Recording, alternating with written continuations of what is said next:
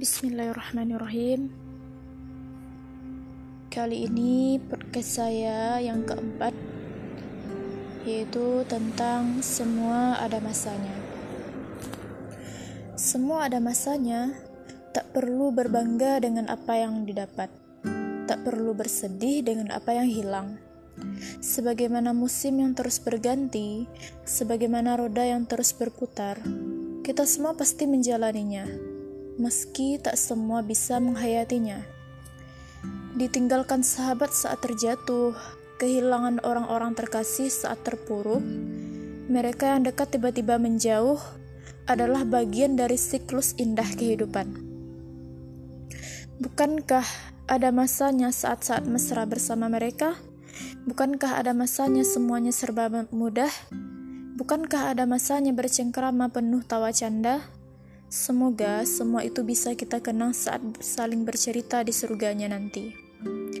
Mendapatkan lalu kehilangan, bertemu lalu berpisah, bersahabat lalu jadi sekedar kenal, mencintai lalu saling meninggalkan, hidup lalu mati. Semuanya mengajarkan kita untuk tidak terlalu kuat menggenggam. Pada akhirnya, kita harus rela melepaskan karena sejatinya memang kita tidak pernah memiliki apa pun.